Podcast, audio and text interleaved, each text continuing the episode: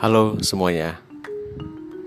Untuk membuka cerita kismis di podcast Om Chris, uh, sebenarnya dulu aku udah pernah nulis uh, dari kejadian nyata yang aku alami saat ke desa Tumbang Mantuhe.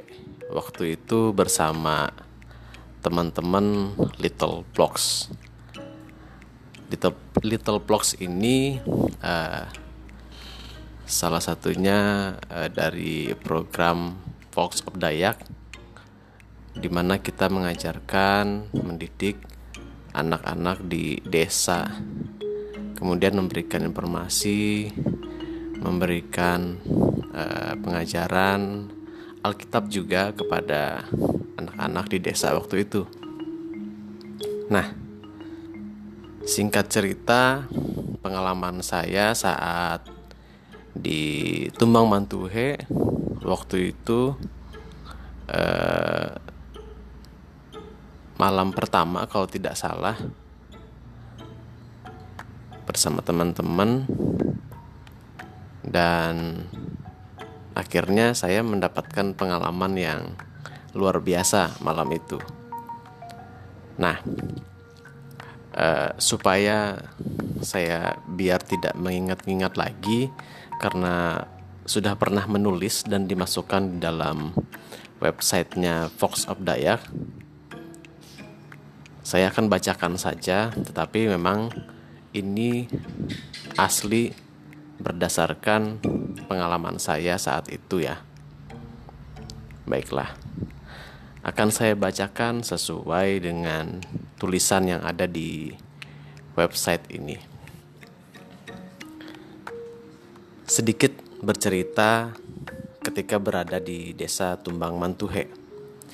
Dan kebetulan ini ceritanya mistis sedikit. Ketika sore dan menjelang malam tiba, kami pemuda yang berjumlah sembilan orang sedang mengunjungi rumah warga sekitar. Dan seketika hujan turun dengan deras. Dan kami pun tidak dapat pulang ke tempat di mana kami tidur dan beristirahat. Saya dan Cakra mengambil keputusan untuk mengambil mobil agar dapat menjemput kembali teman-teman yang menunggu sambil bercengkrama dengan warga sekitar. Saya dan Cakra pun memulai perjalanan yang berjarak 300 meter kurang kurang lebihnya seperti itu ya. Kalau tidak salah. Menuju tempat mobil di parkiran dalam perjalanan kami saling berbincang dan merasa santai dan hangat dalam perjalanan yang ditemani hujan dan tanpa penerangan. Gelap gulita terasa sangat sunyi dan kaki pun mulai dipenuhi lumpur jalanan yang belum diaspal. Betul. Jadi pada saat itu desa Tumbang Mantuhe itu mendapatkan pasokan listrik pagi sampai jam 4 sore kalau tidak salah. Nah, kemudian eh, malam itu tidak ada listrik sampai jam ketemu lagi pagi gitu ya. Jadi eh, listriknya itu kalau nggak salah 2 12 jam aja gitu di desa tersebut. Ketika dalam perjalanan itu seketika perbincangan kami pun terhenti dan Cakra memulai rasa ada yang ganjil seperti itu ya. Jadi dia mulai merasa ada keganjilan saat itu.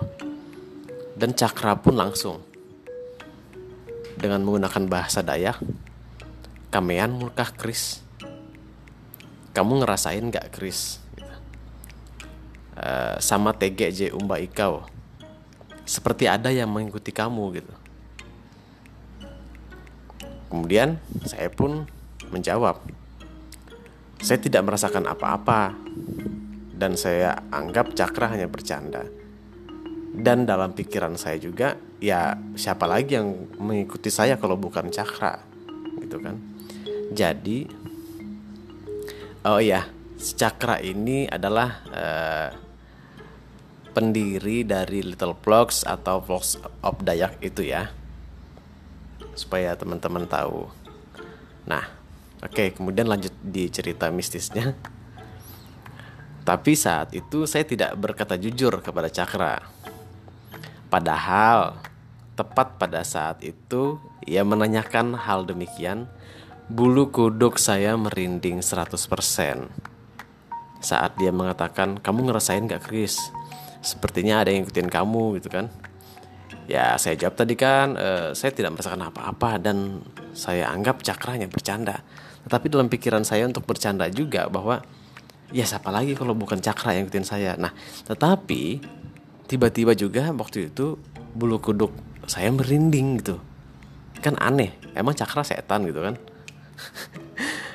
Nah itu gelap gulita, hujan, kemudian eh, jalannya agak berbecek, lumpur gitu ya. Nah kemudian eh, tapi ya saya tidak merasa takut waktu itu ya.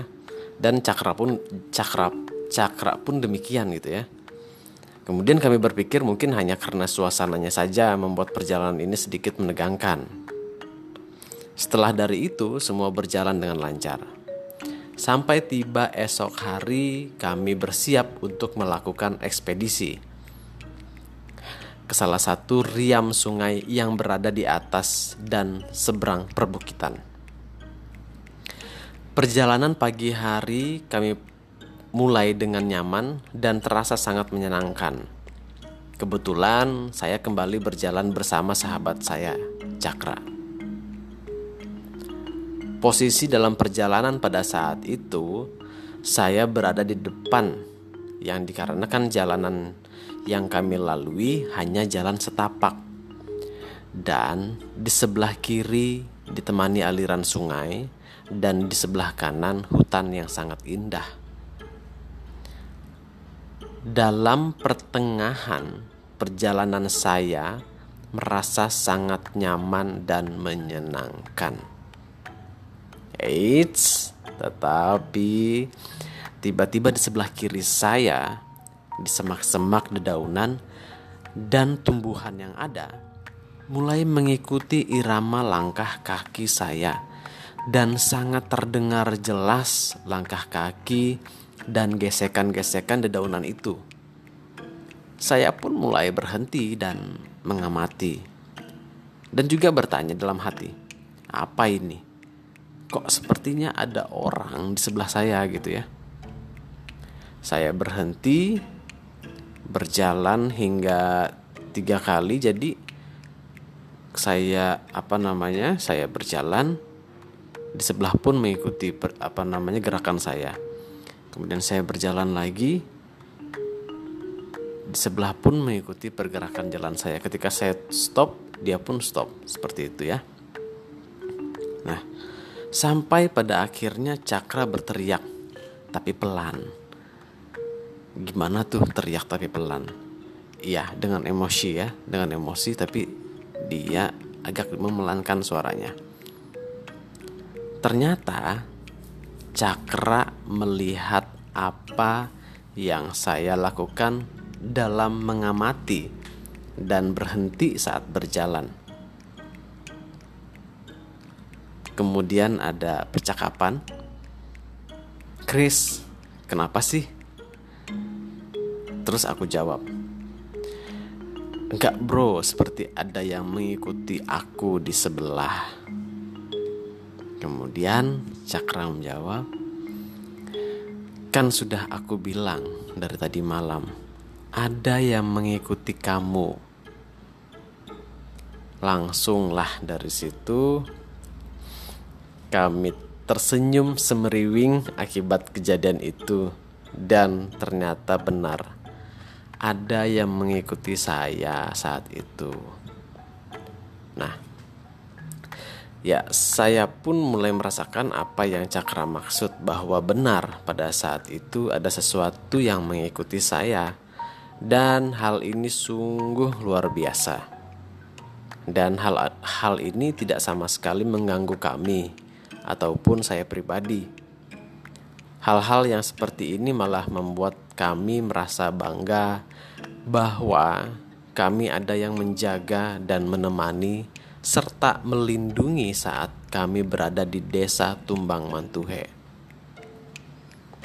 Perjalanan dan pelayanan pertama ke desa Tumbang Mantuhe bersama Little Blocks. Terima kasih. Itulah cerita mistis yang pernah Om Kris alami dalam uh, perjalanan bersama Little Blocks. Ini juga menjadi salah satu pembuka cerita mistis selanjutnya dari narasumber uh, teman-teman Om Kris yang mungkin mempunyai cerita-cerita mistis yang akan kita ceritakan dan dengarkan bersama di cerita mistis Om Kris. Baiklah, terima kasih teman-teman semoga teman-teman juga uh,